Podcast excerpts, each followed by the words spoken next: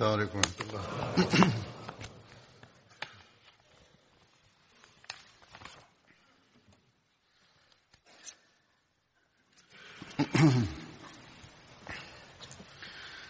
أشهد أن لا إله إلا الله وحده لا شريك له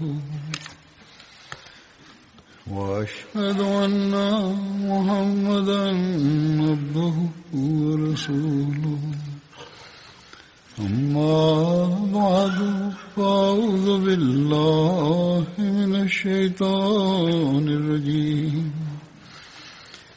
بسم الله.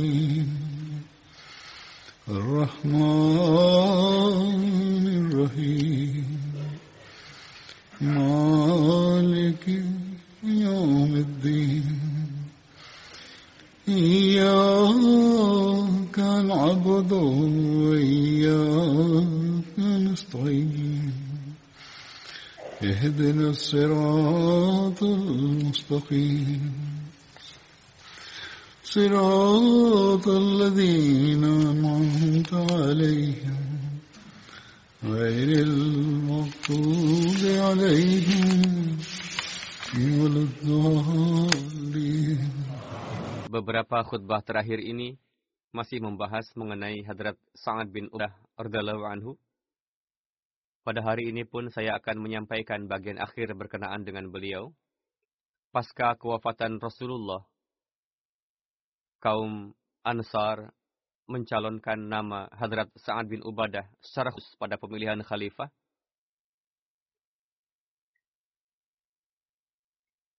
Hadrat Mirza Bashir Ahmad juga dalam buku Sirat Khatamun Nabiyyin menulis bahwa Ansar memiliki antusias tinggi untuk mencalonkan Hadrat Sa'ad bin Ubadah sebagai khalifah. Beliau juga adalah pemimpin kaum. Ketika Hadrat Abu Bakar terpilih sebagai khalifah, Hadrat Sa'ad bin Ubadah goyah. Bahkan sebelumnya kaum Ansar menghendaki beliau yang terpilih sebagai khalifah. Berkenaan dengan hal ini, Hadrat Muslim Maud radhiyallahu anhu menjelaskan secara jelas. Begitu juga pal keutamaan makom khilafat.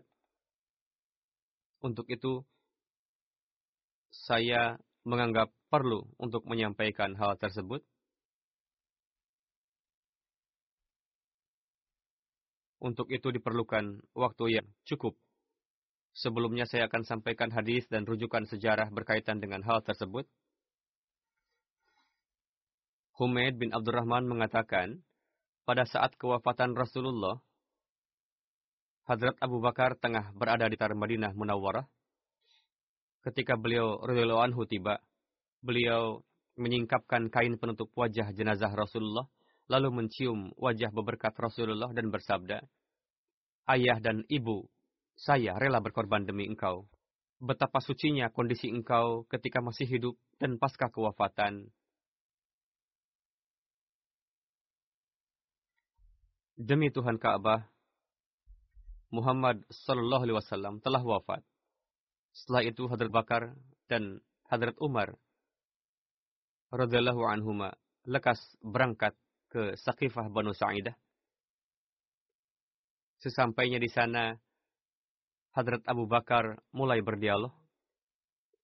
Ada ayat Al-Quran yang luput dari penyampaian beliau berkaitan dengan Ansar dan juga menjelaskan segala keistimewaan Ansar yang pernah disampaikan oleh Rasulullah Sallallahu Alaihi Wasallam.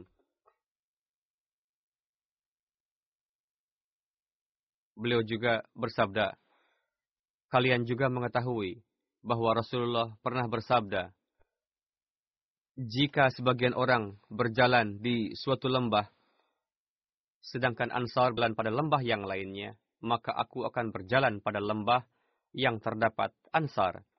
Hadrat Abu Bakar berbicara kepada Hadrat Sa'ad bin Ubadah, Wahai Sa'ad, engkau mengetahui bahwa ketika engkau tengah duduk, Rasulullah Shallallahu Alaihi Wasallam pernah bersabda bahwa yang berhak untuk menjadi khalifah adalah dari kalangan Quraisy. Barang siapa yang baik di antara orang-orang, mereka akan mengikuti orang-orang baik di kalangan Quraisy, sedangkan para pendosa akan mengikuti pengikut bagi para pendosa di kalangan Quraisy. Hadrat Sa'ad berkata, benar apa yang Anda katakan. Kami adalah menteri dan Anda semua adalah pemimpin. Dikutip dari hadis Musnad Ahmad bin Hambal. Berkenaan dengan hal ini, dalam kitab Tabaqatul Kubro tertulis, pasca kewafatan Hadrat Rasulullah,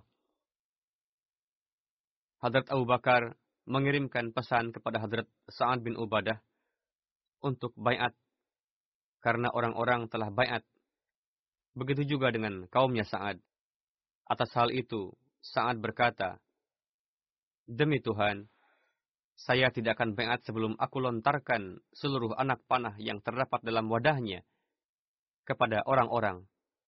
Yakni Hadrat Sa'ad menolak untuk bayat menurut rujukan ini.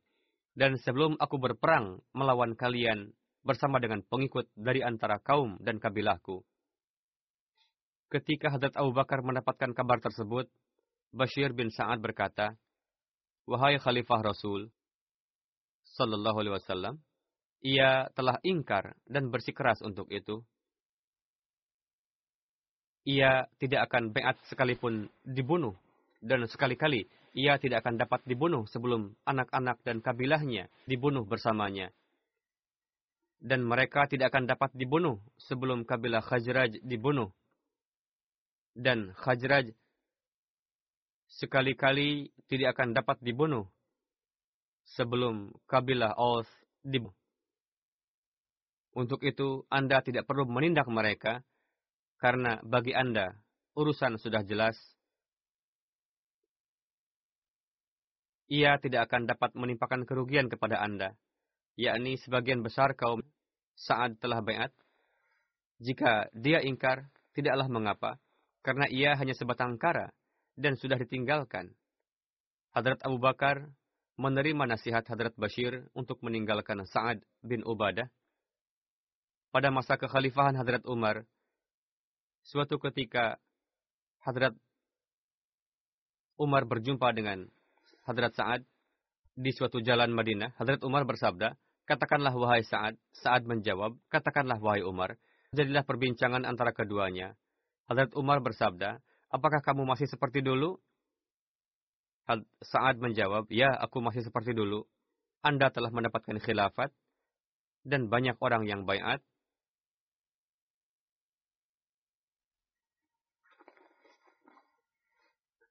Namun sampai sekarang saya masih belum bayat. Demi Tuhan, kawan Anda, yakni Hadrat Abu Bakar, radhiyallahu anhu, lebih kami cintai dari Anda.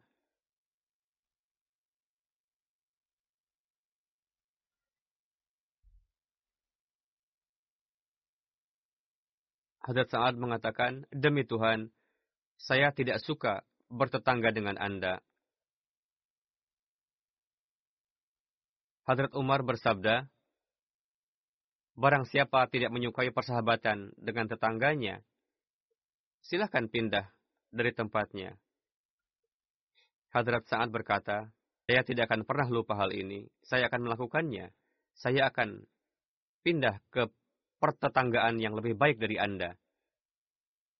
Tidak berselang waktu lama, lalu Hadrat Sa'ad pindah ke negeri Syam pada masa awal kekhalifahan Hadrat Umar dari Tabaqatul Kubra. Berkenaan dengan Hadrat Sa'ad diriwayatkan juga bahwa beliau bayat kepada Hadrat Abu Bakar sebagaimana tertulis dalam Tarikh Tabari. Waba'al qawmu alal bayati wa baya' Sa'ad. Seluruh kaum bayat kepada Hadrat Abu Bakar secara bergiliran, secara bergiliran, begitu juga Hadrat Sa'ad. Seperti yang telah saya sampaikan, bahwa di dalam keterangan yang disampaikan oleh Hadrat Muslim Ma'ud anhu, mencakup banyak sisi. Di antaranya, kenapa bayat kepada khilafat itu penting, dan bagaimana kedudukan khilafat, dan apa yang dilakukan oleh Hadrat Sa'ad, bagaimana statusnya. Hadrat Muslim Maud bersabda pada satu khutbah beliau bahwa Qatala pun dapat dimaknai dengan memutuskan hubungan. Pasca kewafatan Hadrat Rasulullah, timbul selisih pendapat antara para sahabat. Ansar beranggapan bahwa khilafat adalah hak kami dan kami adalah pewarisnya. Sekurangnya jika ada satu khalifah dari antara muhajirin, begitupun seharusnya satu khalifah juga dari kalangan ansar, yakni dari keduanya ada. Sedangkan Banu Hashim beranggapan bahwa khilafat adalah hak kami, Rasulullah berasal dari keluarga kami.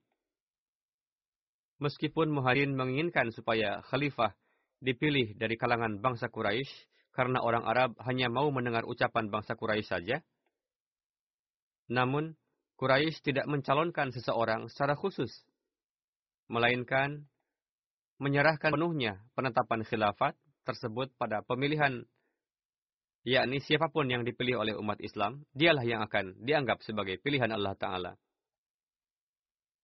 Ketika mereka menyampaikan anggapan tersebut, maka Ansar dan Banu Hashim sepakat. Namun hal tersebut tidak dapat difahami oleh seorang sahabat. Dia adalah sahabat Ansar yang pernah dicalonkan oleh kalangan Ansar untuk menjadi khalifah. Mungkin saja beliau menganggap hal tersebut mencoreng kehormatannya, atau hal itu tidak difahami olehnya. Apa pun alasannya, beliau telah mengatakan bahwa tidak siap untuk bayat kepada Abu Bakar. Ucapan Hadrat Umar pada kesempatan itu kita jumpai dalam berbagai rujukan sejarah yang berbunyi, Uktulu Sa'ad, Artinya, bunuhlah Sa'ad. Namun, Hadrat Umar sendiri tidak membunuhnya, tidak juga sahabat yang lainnya. Sebagian pakar bahasa menulis bahwa yang dimaksud oleh Hadrat Umar hanyalah memutuskan hubungan dengan Sa'ad. Pada beberapa rujukan sejarah tertulis bahwa Hadrat Sa'ad setelah itu rutin datang ke masjid dan biasa melakukan salat sendiri di masjid lalu pulang tidak ada sahabat yang berbicara padanya. Alhasil, maksud dari qatala di sini adalah memutuskan hubungan atau terpisah dari kaum. Hadrat Muslim Maud urdallahu anhu menjelaskan lebih lanjut perihal Hadrat Sa'ad bin Ubadah. Kutipan yang saya bacakan sebelumnya berkaitan dengan khutbah tersebut, Hadrat Muslim Maud bersabda, Pada khutbah sebelumnya, saya pernah menyebut perihal seorang sahabat Ansari. Pasca kewafatan Rasulullah, beberapa Ansar mengusulkan supaya yang dipilih untuk menjadi khalifah hendaknya dari kalangan Ansar. Setelah Hadrat Abu Bakar menyampaikan kepada para sahabat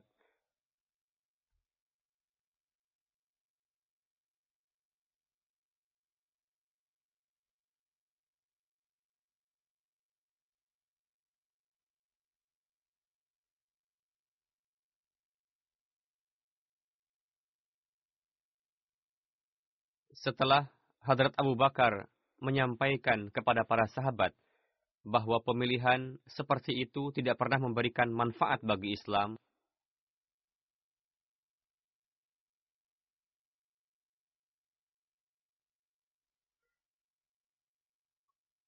dan dan umat muslim tidak akan pernah setuju dengan pemilihan seperti itu. Ini dengan memilih dari kalangan Ansar. Lalu Ansar dan Muhajirin berkumpul dan bersepakat untuk bayat di tangan seorang dari kalangan Muhajirin. Dan pada akhirnya mereka semua sepakat untuk bayat di tangan Hadrat Al-Bakar radhiyallahu anhu.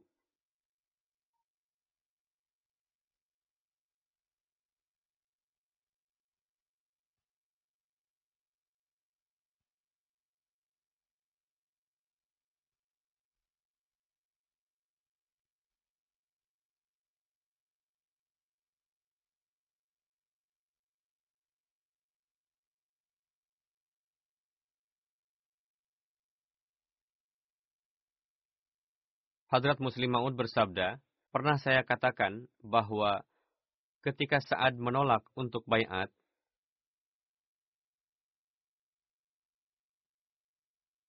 lalu Hadrat Umar radhiyallahu anhu bersabda, "Uqtulu Sa'ad." artinya bunuhlah Sa'ad. Namun beliau radhiyallahu anhu tidak membunuh Sa'ad, tidak juga ada sahabat yang membunuhnya. Padahal Hadrat Sa'ad terus hidup sampai pada masa kekhalifahan Hadrat Umar dan wafat di negeri Syam pada masa kekhalifahan Hadrat Umar.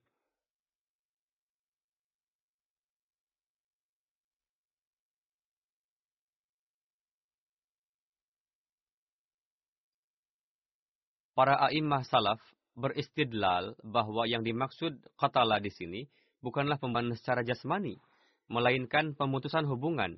Dalam bahasa Arab, qatala memiliki banyak arti. Dalam bahasa Urdu, memang kata qatal diartikan membunuh secara jasmani, namun dalam bahasa Arab, jika digunakan qatala, kata qatala memiliki banyak arti, yang mana salah satunya adalah pemutusan hubungan. Para ahli lugat beristidlal bahwa kata katala yang dimaksud oleh Hadrat Umar bukanlah membunuhnya, melainkan memutuskan hubungan, yakni tidak berhubungan dengannya, tidak bercakap-cakap dengannya. Jika kata katala tersebut diartikan secara zahir, lantas Hadrat Umar anhu yang notabene seorang yang berwatak pemberani, kenapa tidak beliau sendiri membunuhnya? Kenapa tidak ada seorang pun sahabat yang membunuhnya? Hadrat Umar tidak hanya tidak membunuhnya pada masa itu, bahkan pada masa kekhalifahannya pun beliau tidak membunuhnya. Bahkan ada yang pendapat bahwa Hadrat Sa'ad masih tetap hidup pasca wafatnya Hadrat Umar dan tidak ada seorang sahabat pun yang membunuhnya. Alhasil, jelaslah bahwa yang dimaksud katala di sini adalah pemutusan hubungan, bukanlah membunuh secara zahir. Meskipun Hadrat Sa'ad telah terpisah dari para sahabat pada umumnya, namun tidak ada seorang pun yang menyentuhnya. Hadrat Muslim Ma'ud bersabda, saya pernah memberikan contoh, jika ada yang melihat dalam ru'ya seseorang dibunuh, maka bir dari ru'ya tersebut bisa saja diputuskan hubungan dengannya atau diboykot.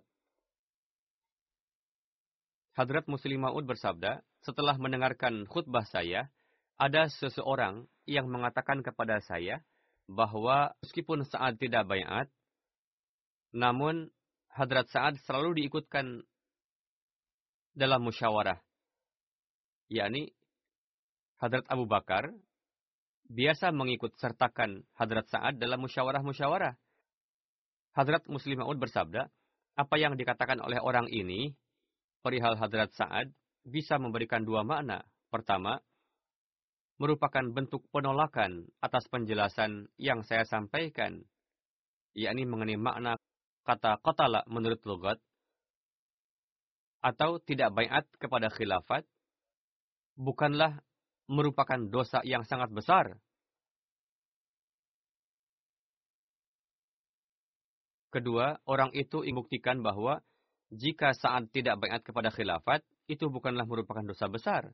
Karena meskipun saat tidak bayat, namun selalu diikut sertakan dalam musyawarah-musyawarah. Hadrat Muslim Ma'ud bersabda, seorang penyair berkata, Ta marad sukhan nagufta bashad, hunar nahufta bashad. Artinya, aib dan keahlian manusia tidak nampak sebelum manusia berbicara. Ketika insan berbicara, ia menzahirkan aibnya berkali-kali. Yakni, ketika manusia terdiam, aibnya tidak nampak. Namun ketika ia berbicara, terkadang hal-hal yang bodoh zahir darinya.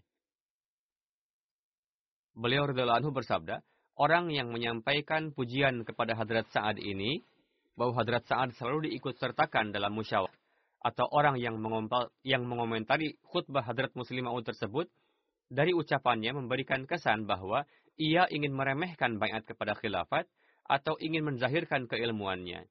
Namun kedua hal tersebut adalah keliru menzahirkan keilmuan tidak dapat memberikan faidah karena ucapannya itu begitu keliru sehingga setiap orang berakal akan tertawa mendengarnya. Dalam sejarah Islam, terdapat tiga buku yang sangat masyhur yang menjelas berkenaan dengan peri kehidupan para sahabat. Tiga buku sejarah itu di antaranya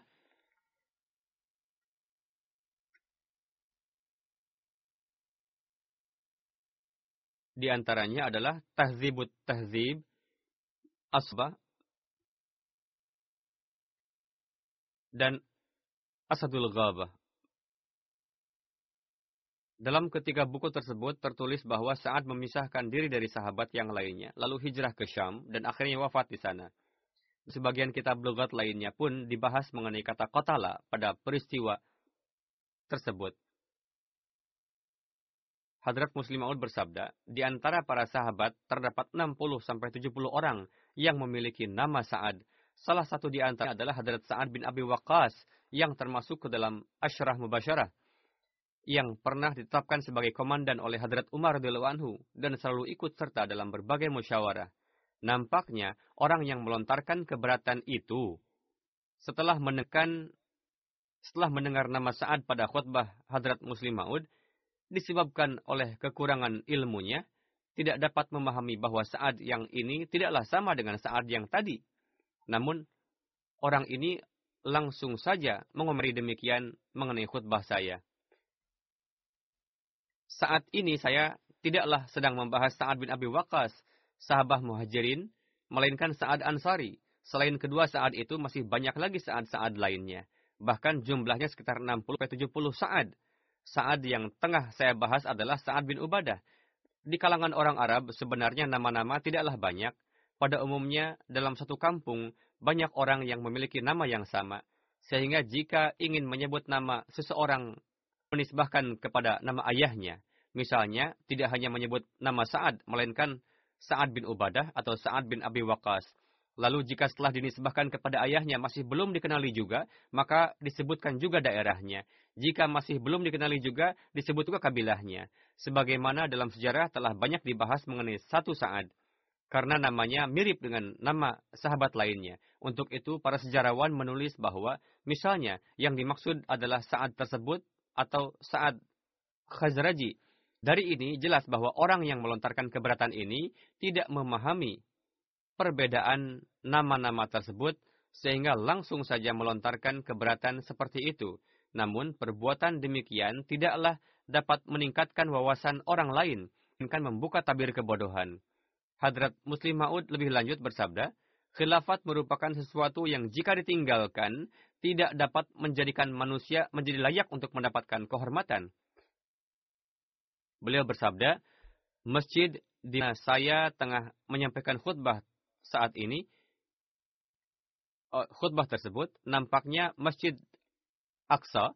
Di masjid itu juga, di masjid itu juga saya mendengar Hadrat Khalifatul Masih awal pernah bersabda, Apakah kamu, siapakah musuh dari khalifah sebelumnya? Beliau menjawab sendiri pertanyaan tersebut bersabda, bacalah Al-Quran, darinya kamu akan tahu bahwa musuhnya adalah iblis. Allah Ta'ala menjadikan Adam sebagai khalifah, dan musuhnya adalah iblis. Hadrat Khalifatul Maswal bersabda, saya pun adalah seorang khalifah, dan yang menjadi musuhku juga adalah iblis. Hadrat Muslim Ma'ud bersabda, tidak diragukan lagi bahwa khalifah bukanlah makmur atau utusan, meskipun tidaklah mesti seorang khalifah bukan utusan. Sebagaimana Hadrat Adam adalah makmur juga, dan di sisi lain khalifah juga. Begitu juga Hadrat Daud, begitu juga Hadrat Masih Maud alaihi salam. Beliau seorang makmur dan juga seorang khalifah. Segenap para nabi pun merupakan makmur dan khalifah yang ditetapkan oleh Allah Ta'ala.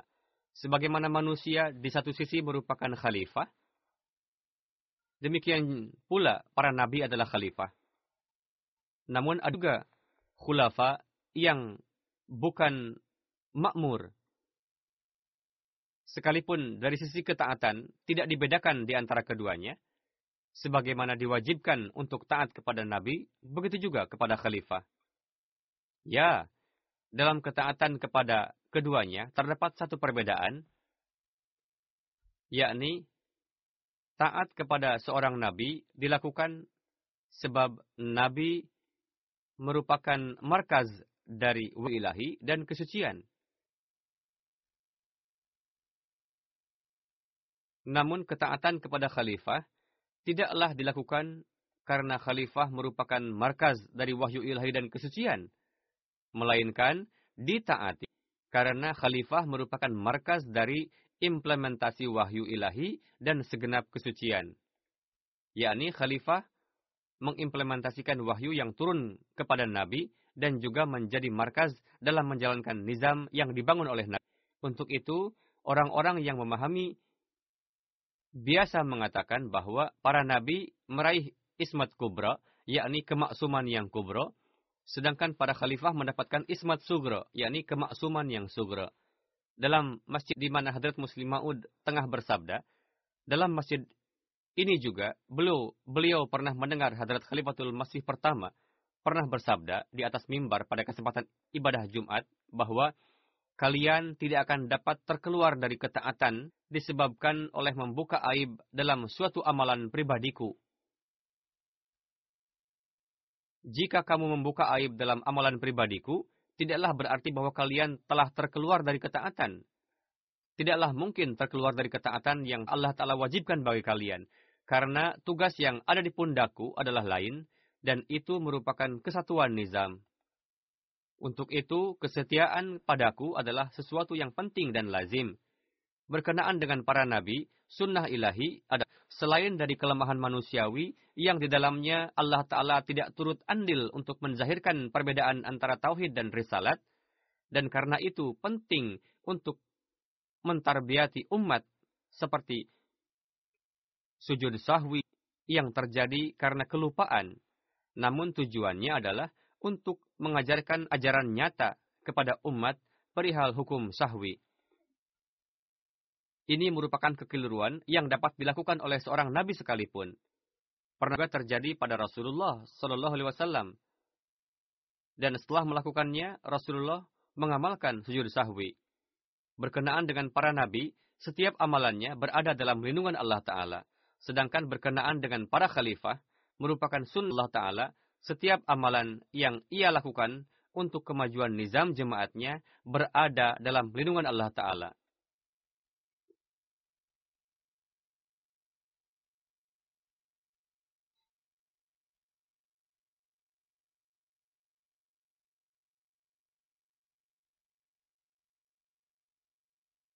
Khalifah tidak akan melakukan kesalahan yang seperti itu.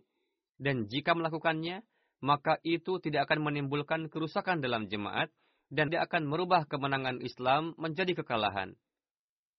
Amalan yang dilakukan oleh khalifah untuk memperkuat nizam dan untuk mengunggulkan Islam akan disertai oleh perlindungan ilahi.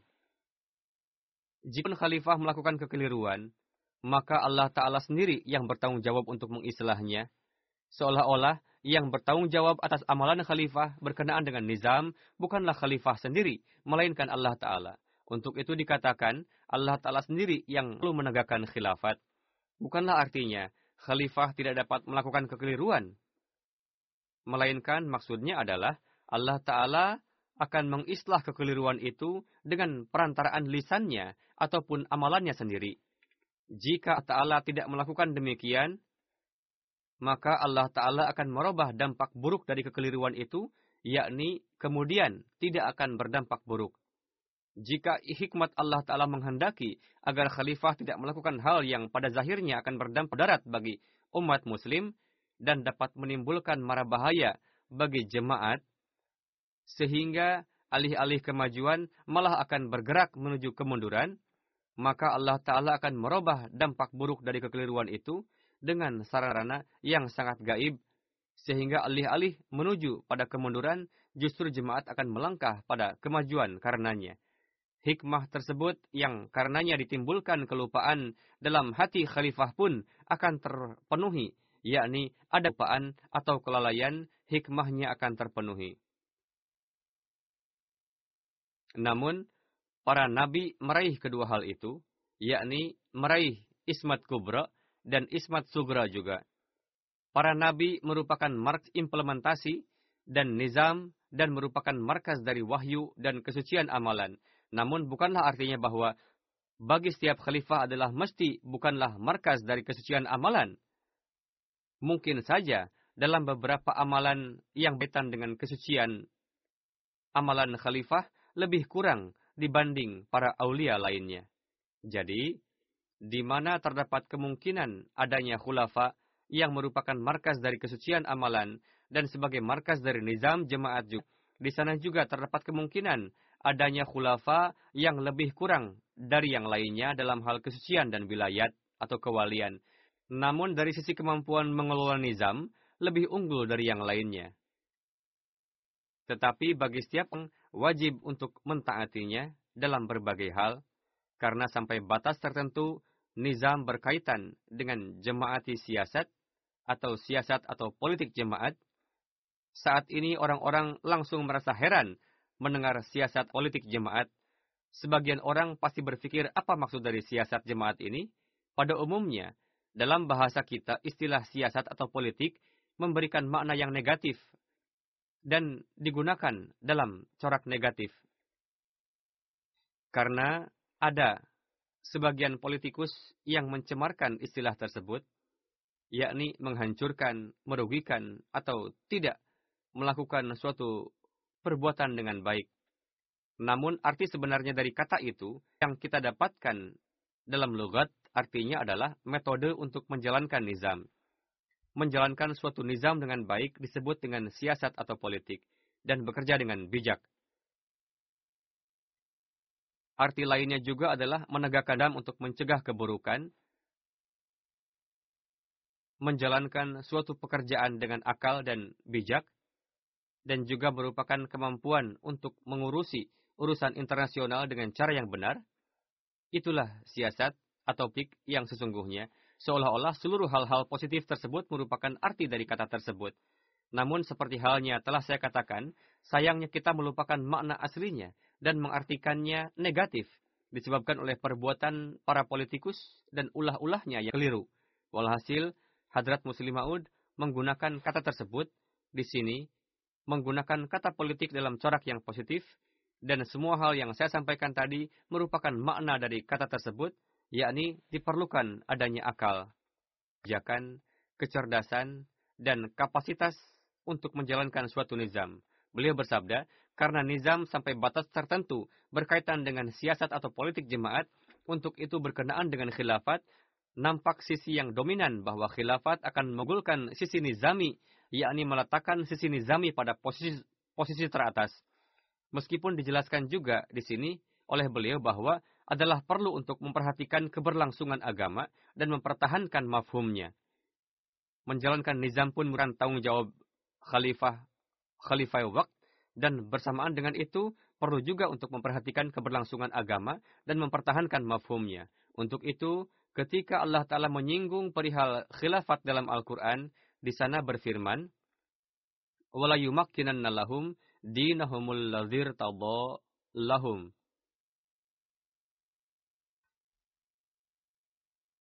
Yumakkinanna lahum dinahumul ladzir lahum. Allah Ta'ala akan mengokan agamanya dan akan mengunggulkan di atas dunia. Jadi, agama yang ditampilkan oleh khulafa berada dalam perlindungan Allah Ta'ala, namun merupakan hifazat sugra, yakni perlindungan kecil. Bersabda, khalifah dapat melakukan kekeliruan dalam hal furu, dan mungkin juga terjadi perbedaan pendapat di antara para khalifah.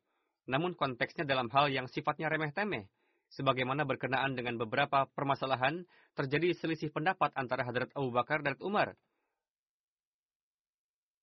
Bahkan sampai saat ini, dalam umat Muhammadiyah, tidak sampai satu suara dalam hal-hal tersebut. Namun perbedaan tersebut hanya bersifat furu saja. Sedangkan dalam hal prinsip tidak pernah terjadi selisih pendapat. Sebaliknya, terdapat persatuan di dalamnya, yakni pemberi petunjuk, bimbingan kepada dunia, dan memberikan cahaya adalah wujud khulafa. Jadi jika ada yang mengatakan bahwa meskipun seseorang tidak bayat, namun memiliki kedudukan yang sama seperti orang yang bayat, sebetulnya itu memberitahukan bahwa orang tersebut tidak faham apa itu bayat dan nizam. Berkenaan dengan musyawarah pun hendaknya diingat bahwa seorang pakar atau ahli persenjataan, sekalipun orang itu memiliki agama yang berbeda, dapat dimintai musyawarah Hadrat Masih Maud salam pernah menggunakan pengacara seorang berkebangsaan Inggris pada satu persidangan, namun telah berarti bahwa beliau meminta musyawarah darinya dalam urusan kenabian. Ketika perang Ahzab, Rasulullah pernah meminta saran dari Hadrat Salman Al-Farisi anhu dan bersabda, "Apa yang biasa dilakukan di negerimu ketika terjadi perang?" Hadrat Salman menjawab, di negeri kami biasa menggali parit. Rasul bersabda, saran yang sangat baik sekali. Lalu digalilah parit, karena itu perang tersebut disebut perang hendak atau parit. Namun meskipun demikian, tidak bisa kita mengatakan bahwa Sal Farisi lebih mahir dari Rasulullah dalam persenjataan perang. Beliau tidaklah lebih mahir dalam urusan itu dari Rasulullah. Begitu juga tidak dapat melakukan sepak terjang seperti yang telah dilakukan Rasulullah Sallallahu Alaihi Wasallam. Bahkan pada masa para khulafa pun beliau tidak pernah ditetapkan sebagai komandan pasukan, padahal beliau berumur panjang. Alhasil, seorang ahli, sekalipun berbeda agama, dapat dimintai musyawarah. Lebih lanjut bersabda, ketika saya sakit, saya pun meminta nasihat dari para dokter berkebangsaan Inggris, namun tidaklah berarti bahwa beliau pun meminta musyawarah dalam urusan khilafat dari mereka, atau saya menganggap mereka berada pada makom yang sama seperti makom para sahabat Hadrat Masih Maud salam. Ketika saya meminta saran dari sahabat, tidaklah berarti bahwa meminta saran dari orang lain atau dari sahabat merupakan suatu kekeliruan. Bagaimanapun kedudukan sahabat adalah luhur.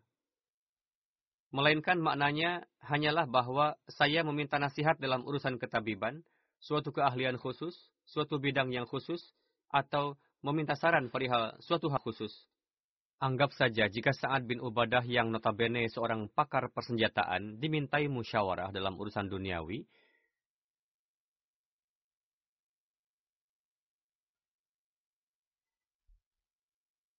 tetap tidak dapat dikatakan bahwa beliau selalu ikut dalam musyawarah-musyawarah.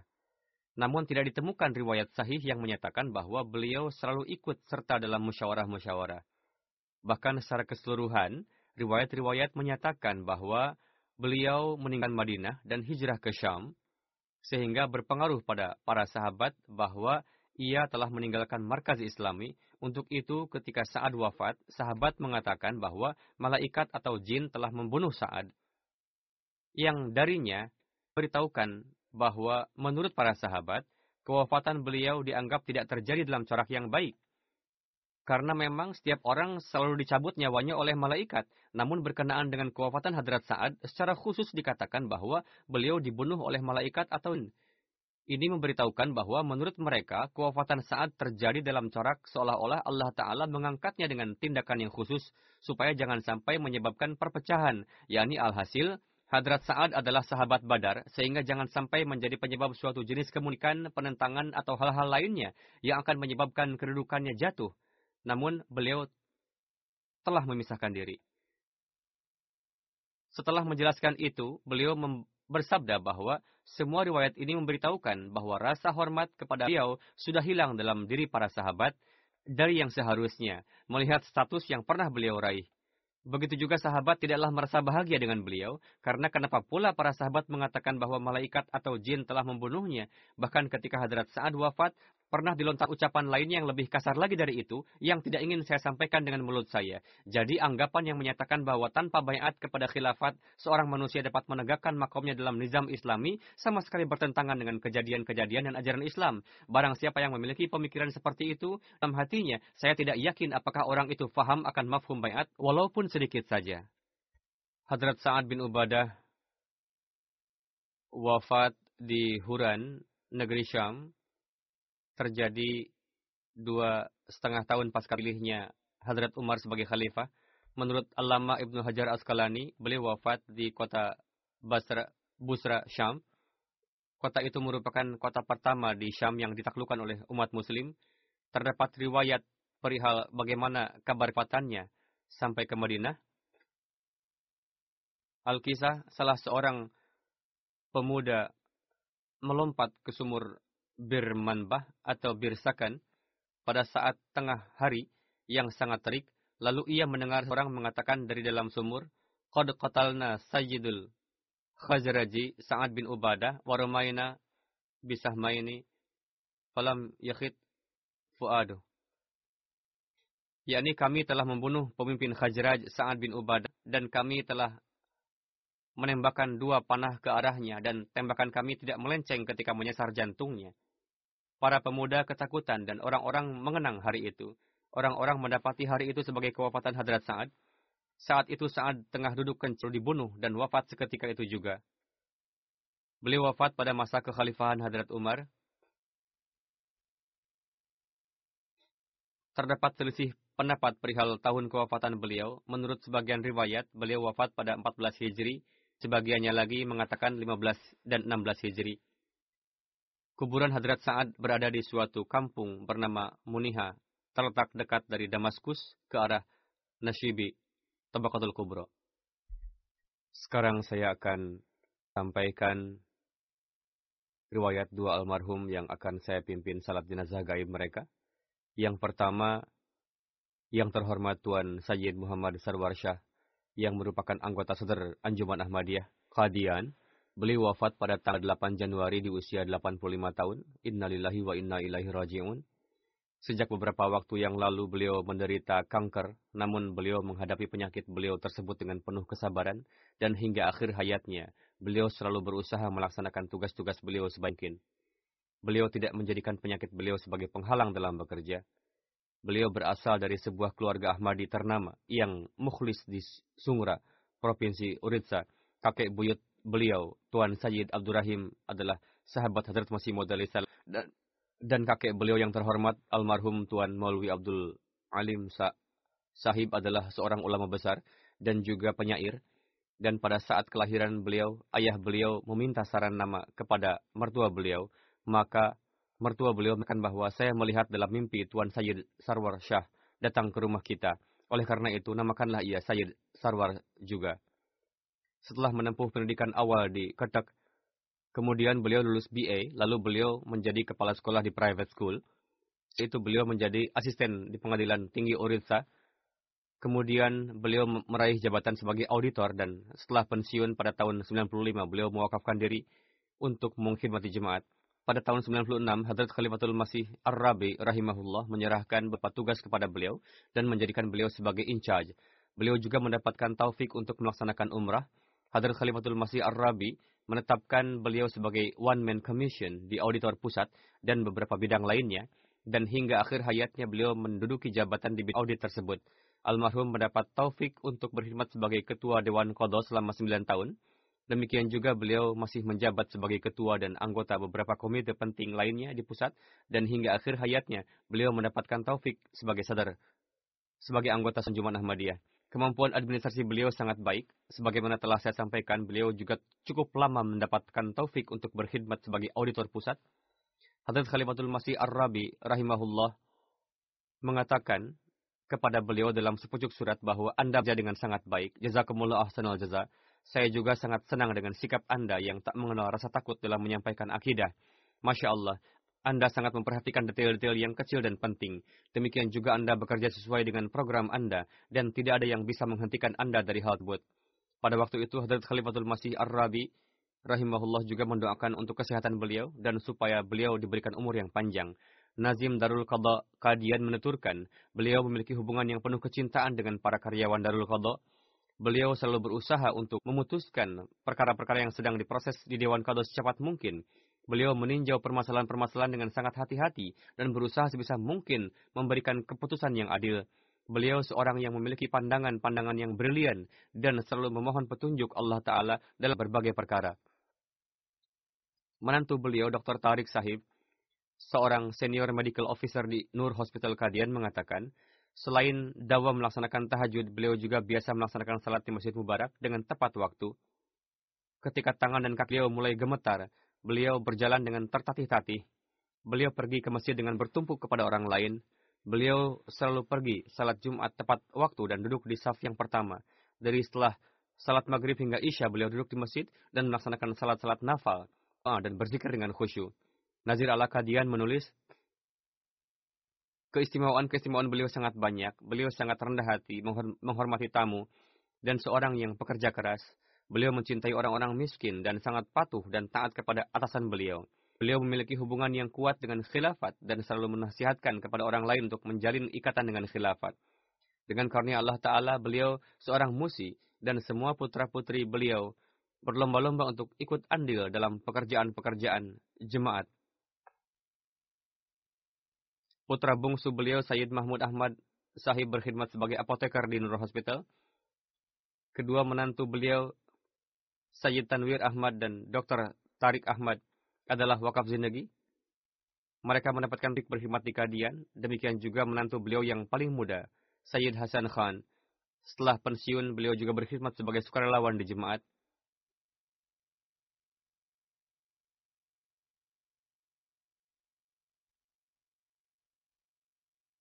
Ketika almarhum Sahib Zada Mirza Wasim Ahmad menjabat sebagai Nazir Allah, beliau selalu melakukan audit dengan tetap memperhatikan kesopanan dan mengajukan pertanyaan-pertanyaan sehubungan dengan pekerjaan itu.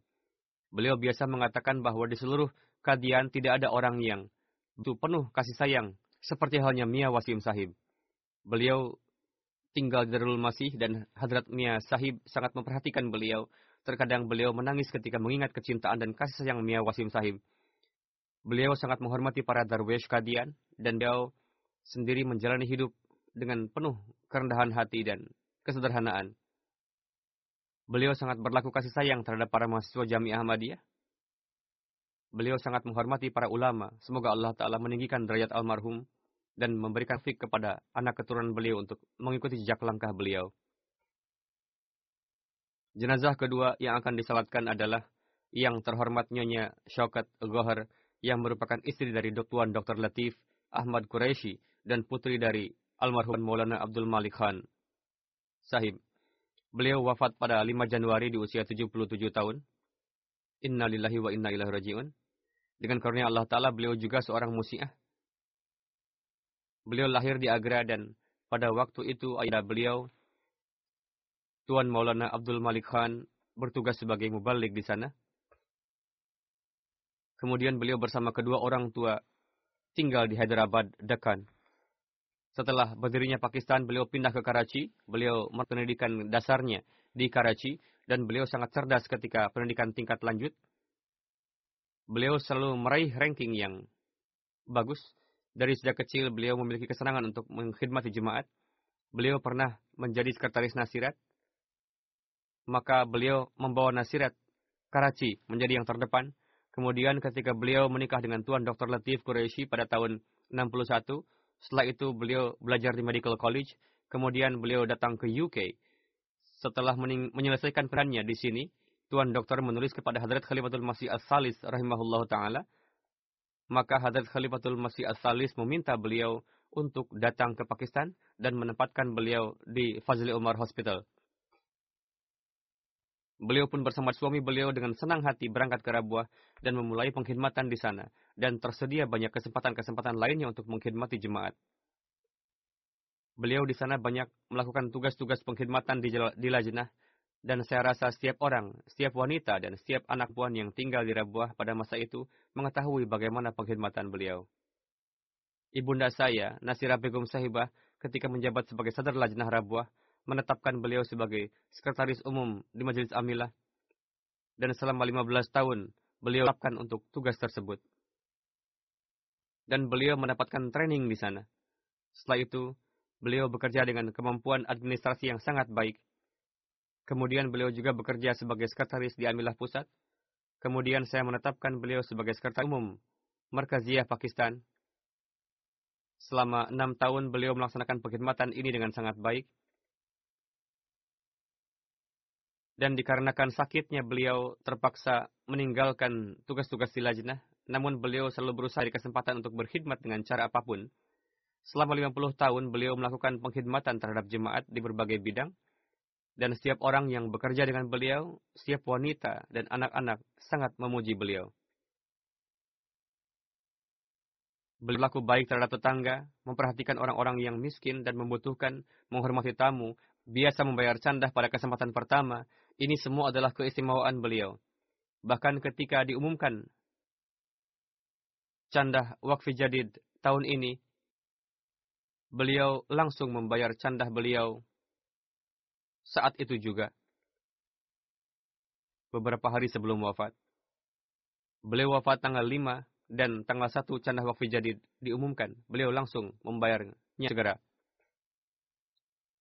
Tuan Dr. Quraisy menulis bahwa almarhumah selama 50 tahun kebersamaan menunaikan kewajiban beliau sebagai istri yang terbaik, ibu yang terbaik, adik yang terbaik, dan putri yang terbaik. Satu hal telah terlewatkan oleh yang menulis ini adalah Dr. Sahib tidak menyebutkannya, yaitu beliau juga menantu yang terbaik. Begi, mungkin terlewat karena kekeliruan, dan mertua beliau pun tinggal bersama ter beliau. Bahkan selama mereka masih hidup, beliau mengkhidmati mereka, merawat mereka ketika sakit layaknya ibu sendiri. Singkatnya, beliau meninggalkan dunia ini setelah mengarungi kehidupan yang penuh keteladanan. Beliau sakit cukup lama, meskipun demikian beliau senang mengerjakan pekerjaan rumah, tangga, dan menyelesaikannya. Pada saat beliau tidak pernah mengeluh dan dengan penuh kesabaran beliau menghadapi penyakit, beliau memiliki hubungan yang kuat dengan khilafat. Di antara keluarga yang ditinggalkan, selain suami, dokter Latif Quraisy juga tiga orang putra, dua orang putri, dan orang putra dan seorang putri beliau adalah dokter. Satu orang putra lainnya seorang insinyur. Semua putra-putri beliau terpelajar. Beliau memberikan pelajaran kepada putra-putri beliau dalam kondisi yang sulit. Seorang putri beliau mengatakan kepada beliau, ibu tidak memakai perhiasan dan tidak pernah membuat pakaian yang bagus. Beliau menjawab, penghematan penghematan yang ibu lakukan ini adalah untuk membiayai pendidikan kalian. Dan ibu ingin bahwa yang menjadi perhiasan dan pakaian ibu yang bagus itu adalah ketika kalian menjadi orang-orang yang terpiar. Berguna untuk jemaat, menjadi orang-orang yang berguna dan bisa mandiri mengurusi diri kalian sendiri. Beliau banyak melihat mimpi-mimpi yang benar, banyak mimpi-mimpi beliau yang ditulis oleh putra-putri beliau tergenapi. Beliau mengatakan kepada salah seorang putri beliau ketika hendak masuk bahwa kamu akan masuk ke medical college itu. Saya melihat ini dalam mimpi. Dan itulah yang terjadi. Putri beliau tersebut berhasil masuk ke sana. Demikian juga banyak mimpi-mimpi beliau yang lainnya. Dengan karunia Allah Ta'ala beliau seorang wanita yang salih dan memperhatikan adik-adik beliau dan yang lainnya. Putra beliau Abdul Malik menulis bahwa beliau seorang pengkhidmat jemaat yang tulus. Sering kali beliau berjalan kaki dari kantor lajnah ke Darul Ulum dalam kondisi cuaca yang panas dan sekalipun tidak pernah mengeluh dan pada saat Id selalu membuat manisan di rumah dan mengirimkannya ke tetangga-tetangga yang dekat maupun yang jauh dan selalu mengatakan bahwa jika kita memiliki ikatan dengan agama, maka Allah Ta'ala tidak akan pernah menyanyiakan kita.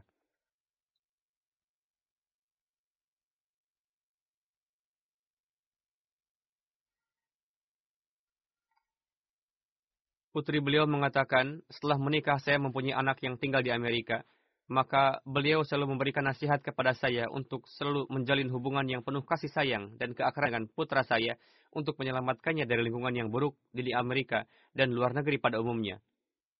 Jadikanlah lingkungan rumah menyenangkan baginya dan alih-alih pergi keluar, ia menjadi lebih banyak menghabiskan waktunya di rumah. Kemudian putri beliau tersebut menuturkan, suatu kali ke college anak-anak perempuan menentang saya karena saya seorang Ahmadi dan memboikot saya. Saya menelepon ibu saya dan menangis. Maka beliau memberikan nasihat dengan cara yang sangat baik dan berkata, untuk apa menangisi? Ini adalah sunnah para nabi yang sedang kamu jalani. Catatlah hal ini. Jika kamu menanggung penderitaan karena status keahmadiyahanmu, maka Allah Ta'ala tidak akan menyia-nyiakanmu dan kamu akan lulus dalam ujian. Demikianlah tidak hanya saya lulus dalam ujian, bahkan semua anak-anak perempuan yang nakal tersebut gagal, tidak lulus ujian.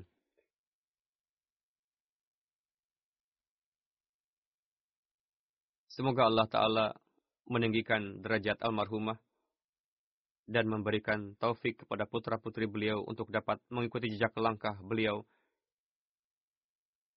Semoga mereka menjadi putra-putri yang baik oleh dan pengkhidmat agama serta selalu menjaga ikatan kesetiaan dengan khilafat.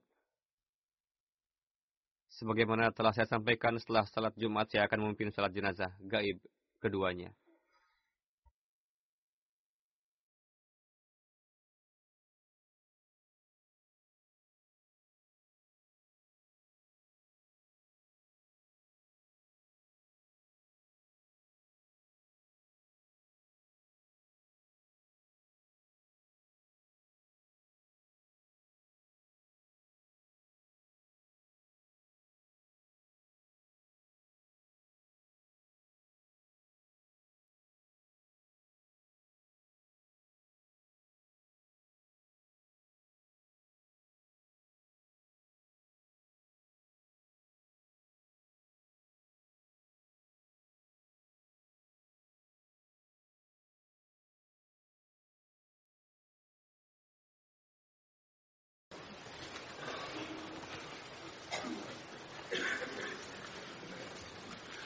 الحمد لله الحمد لله نحمده ونستعينه ونستغفره ونؤمن به ونتوكل عليه.